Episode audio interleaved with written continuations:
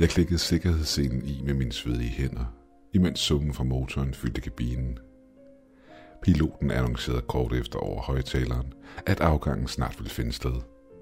Kort tid efter kunne jeg mærke accelerationen trykke mig lettere tilbage i sædet, og mit hjerte hamrede i brystet på mig, i det jeg kunne mærke flyet lidt fra jorden. Det var den alt for bekendte følelse af, at jeg skulle kaste op. Jeg trak vejret dybt, i det flyet steg højere og højere op, længere og længere væk fra den solide og sikre jord. Jeg havde været så nervøs under selve starten, at jeg ikke havde opdaget, at den anden person havde sat sig ned ved siden af mig. Jeg rømmede mig kort og prøvede at få styr på mig selv. Syner af flyet, der styrtede til jorden, får igennem mit indre blik. Flyveturen ville blive en lang mental tortur, der vil vare i flere timer, inden flyet igen forhåbentlig vil lande sikkert igen.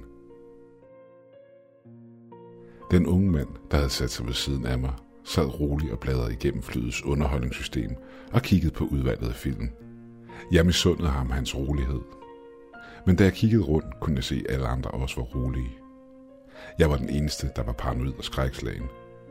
Jeg så ud af vinduet for første gang og så de bløde hvide skyer. At være så højt op fik mig til at føle, at jeg havde efterladt min mave nede på jorden. Men jeg kunne ikke lade være med at beundre de bløde hvide skyer. De lignede store bløde puder. De så så bløde og indbydende ud. Jeg stirrede ud af vinduet et stykke tid. Men at sidde og se på de samme skyer blev hurtigt ret kedeligt. Så jeg besluttede mig for at kigge på den lille skærm foran mig, i håb om at finde noget at lave resten af turen. Selvom mine nerver efterhånden var faldet mere eller mindre til ro, havde jeg stadig en følelse af at skulle være på vagt og overvågen. Pludselig ud af øjenkrogen så jeg en hurtig bevægelse uden for vinduet. Jeg snurrede hovedet rundt, i det mit hjerte begyndte at hamre i brystet på mig, da det gik op for mig, at himlen udenfor ikke længere var synlig. Den azurblå himmel og de hvide skyer var ikke længere nogen steder at se. I deres sted var et mørke, der nærmest bevægede sig som statisk støj på et tv. Verden udenfor var forsvundet, og et tæppe af mørk, statisk støj havde taget dens plads. Det lød til, at jeg var den første, der havde lagt mærke til det. Men kort tid efter lød der flere højlytte gisp rundt omkring i kabinen, da det gik op for folk, hvad det var, der var sket. Panikken greb om mig, og jeg begyndte at hyperventilere. Jeg begravede mit ansigt i mine arme i et forsøg på at slippe væk fra situationen og væk fra flyet. Flypersonalet kom rundt og blev med det samme bombarderet med spørgsmål, de ikke havde nogen svar til. Folk ville vide, hvad der var sket. En bølge af panik spredte sig igennem kabinen, da mørket udenfor forblev det samme. Piloten annoncerede over højtaleren, at de havde mistet kommunikation over radioen, og lige meget hvordan de manøvrerede flyet, kunne de ikke finde vej ud af stormen. I de næste 15 minutter var kabinen død stille. Det eneste, der kunne høres, var den evige summe fra flyets motor, der gik i synk med den statiske støj udefra. Den unge mand, der sad ved siden af mig, var den første, der rejste sig fra sædet for at finde hoved og hale i hele situationen. Han gik op mod cockpittet, men blev kort tid efter eskorteret tilbage til sit sæde af flypersonalet. Piloten annoncerede over højtaleren, at alle skulle blive siddende på deres plads, og at flyet snart ville være ude af stormen. Jeg tjekkede min telefon for at se, hvad klokken var, og opdagede, at tiden ikke havde ændret sig overhovedet. Jeg dobbelttjekkede tiden på den lille skærm, der sad i sædet foran mig. Tiden havde ikke ændret sig de sidste 20 minutter. Jeg besluttede at holde min opdagelse for mig selv, da jeg ikke ønskede at skabe mere panik, end der var i forvejen. Men der ville ikke gå lang tid, før de andre også lagde mærke til det. Snart blev kabinen fyldt med en mumlen fra folk, der i et lavmældt toneleje sad og diskuterede vores absurde situation. Det føltes som om, at vi alle var blevet lukket ind i en slags falsk tryghed, i det, der indtil videre ikke var sket noget. Roen bredte sig ildevarslen igennem kabinen, og jeg stirrede ud af vinduet og ud i den mørke tomhed. Ikke sikker på, hvad det var, jeg kiggede efter. Mørket skiftede ganske svagt form, men forblev stadig det samme i al den tid, jeg stirrede ud i det. Mørket opslugte mit synsfelt, og det føltes som om, at det omringede mig og opslugte mig. Lyden fra motoren og kabinen eksisterede ikke mere. Det var bare mig og mørket. Pludselig mærkede jeg en prikken på min skulder, og jeg blev revet ud af mine tanker. Det var den unge mand ved siden af mig, der havde prikket til mig. Hvad kigger du på, spurgte han spørgende. Bare mørket, svarede jeg. Du har siddet stiget ud af vinduet de sidste 20 minutter. Nej, det kan ikke passe, svarede jeg. Jeg har siddet og kigget ud i Max 2. Jeg var forbløffet. For mig virkede det, som om jeg bare havde siddet og kigget ud et par minutter.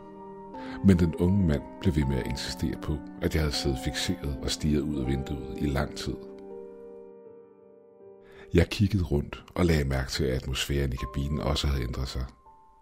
Alle i kabinen sad og rode med den lille skærm foran dem, uden rigtig at tage sig af det ukendte mørke udenfor. Pludselig råbte en kvinde. Der er noget! Alle stoppede med det, de var gang i, og vendte sig om imod kvinden, der sad og stirrede ud af vinduet og ud i mørket. Hun fortsatte med at gentage sin sætning om og om igen, i et forsøg på at fatte, hvad det var, hun så. Jeg må se det tættere på, udbrød hun pludselig. Hun rejste sig fra sit sæde og gik direkte over mod flyets dør. Flypersonalet prøvede at stoppe hende, men hun skubbede den blot til side med en overmenneskelig styrke. Hendes øjne var blanke, og hun så ud i luften med et tomt blik, i det hun åbnede døren og sprang ud i mørket. Der var ingen trykudligning, da døren blev åbnet. Kvinden var forsvundet i mørket, i samme øjeblik hun trådte ud i det. Flypersonalet fik lukket døren og beordrede alle til at sætte sig ned på deres pladser. Vinduerne blev lukket til, så ingen kunne kigge ud. En urolig stillhed bredte sig i hele kabinen. En dyb uro bredte sig i maven på mig, i det jeg begyndte at tænke på, hvordan jeg nogensinde skulle slippe ud af den her sindssyge situation. Minutter blev til timer.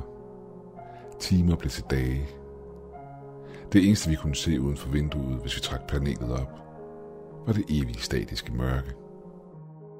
Hver gang flypersonalet kiggede, sneg jeg mig til at kigge ud af vinduet i et par sekunder.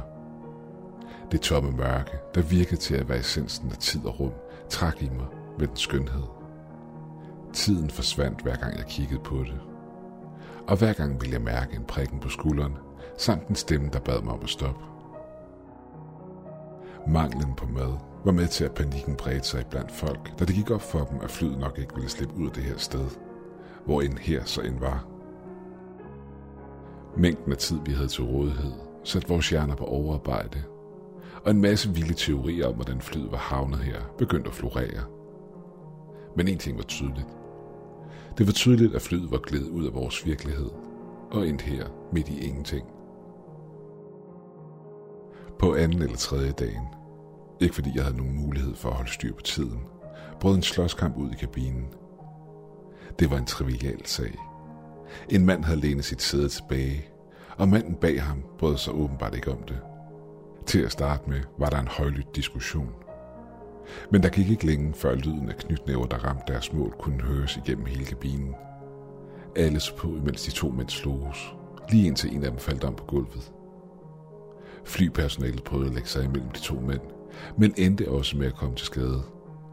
Det var tydeligt, at isolationen og kedsomheden i kabinen var ved at stige sig alle sammen til hovedet. Lang tid efter dette, jeg ved ikke hvornår, løb vi tør for mad. Alle sultede, og folk var begyndt at stige ud af deres vinduer i lange tidsperioder, da alle vidste, at tiden ville gå hurtigere, når de stiger ud i det massive mørke. Kort tid efter gik piloten direkte fra cockpitet og ud af flyet og ud i mørket, uden at sige en lyd. Efter lang tid, måske flere uger, fyldtes kabinen med en ny lyd. Der var kun fem personer tilbage i kabinen, som ikke havde forladt flyet. En af dem var en stewardesse, og resten var passagerer som jeg selv. Lyden var en høj skængerlyd, der fik det til at ringe i ørerne. Jeg trak vinduespanelet op og kiggede ud af vinduet. Et fuglelignende væsen fløj i mørket ved siden af flyet. Mit hjerte sprang op i halsen på mig, og jeg kunne mærke det løb koldt ned i ryggen på mig. Væsenet var ikke til at beskrive. Det var ikke af vores verden, og så ud til at være lavet af det samme mørke. Men stadig stod skabningen ud fra mørket. Som et overeksponeret foto. Den statiske støj, der gled langs den skin, så ud til at være mere støjende end det, der fyldte mørket. hvilket var det, der fik den til at skille sig ud fra det. Jeg begyndte at høre høje dunkelyde fra ydersiden af flyet, som om de massive skabninger angreb skovets yderside. Flyet hørte ikke til her i mørket, og det virkede til, at skabningerne havde taget det valg, at ødelægge den fremmede indtrænger selv. Det tykke glas i flyets vinduer begyndte at slå revner, i det skabningerne begyndte at kaste deres kroppe imod flyets skrog. Panikken spredte sig i kabinen, og folk begyndte at løbe rundt for at finde et sted at gemme sig. Jeg løb til cockpittet, hvor døren stadig stod åben. Hvilket nok var det, der reddede mit liv. Igennem det lille kighul i døren så jeg ind i selve kabinen, hvor væserne nu havde reddet sig vej ind igennem skroget, som om det var papir. De begyndte at flå og rive de resterende mennesker i tusind stykker. Og selvom det er svært at forklare, så virkede det som om, at mørket flød ind igennem hullerne, som om det var væske. Der gik ikke lang tid, før hele passagerkabinen var fyldt med det, og alt jeg kunne se på den anden side var uigennemtrængende mørke. Skabningerne begyndte at skrige i et andet toneleje, i det deres blodløst og sult var blevet stillet. Pludselig forsvandt mørket og blev erstattet af en tom kabine. Flyet havde på en eller anden måde repareret sig selv, men flypersonalet samt passagererne manglede stadigvæk. Pludselig brød radioen stillheden i cockpittet. Flight 307, kom ind, skifter. Flight 307, vi mistede dig lige et minuts tid fra radaren. Hvad er din nuværende position? Flight 307, er du der? Jeg greb radioen og prøvede på bedste vis ikke at lyde sindssyg, i det jeg beskrev, hvad det var, der var sket. Med en god portion held og en masse vejledning lykkedes det kontroltårnet at guide mig til at lande flyet sikkert i en nærliggende lufthavn. Da jeg igen var i sikkerhed på jorden, lod jeg tårnet for frit løb. Jeg fik senere fortalt, at flyet var forsvundet fra radaren i et kort sekund, inden det igen var poppet frem. Men for mig, for mig var der gået måneder. Mørket hjemsøger mig stadig i min drømme. Det er sågar blevet til essensen af min drømme. Jeg vågner op skrigende badet i sved, efter at være blevet jagtet af de skabninger, der bor i mørket. Når jeg kigger mig selv i spejlet, kan jeg se, at mørket omslutter mig og løber ind i vores virkelighed. Mange fly forsvinder sporløst hvert år, og jeg ved nu hvorfor. Når du læser det her, så har mørket fundet mig. Men jeg vil gerne efterlade en advarsel, inden det sker. Inden du går ombord på et fly, så husk mørket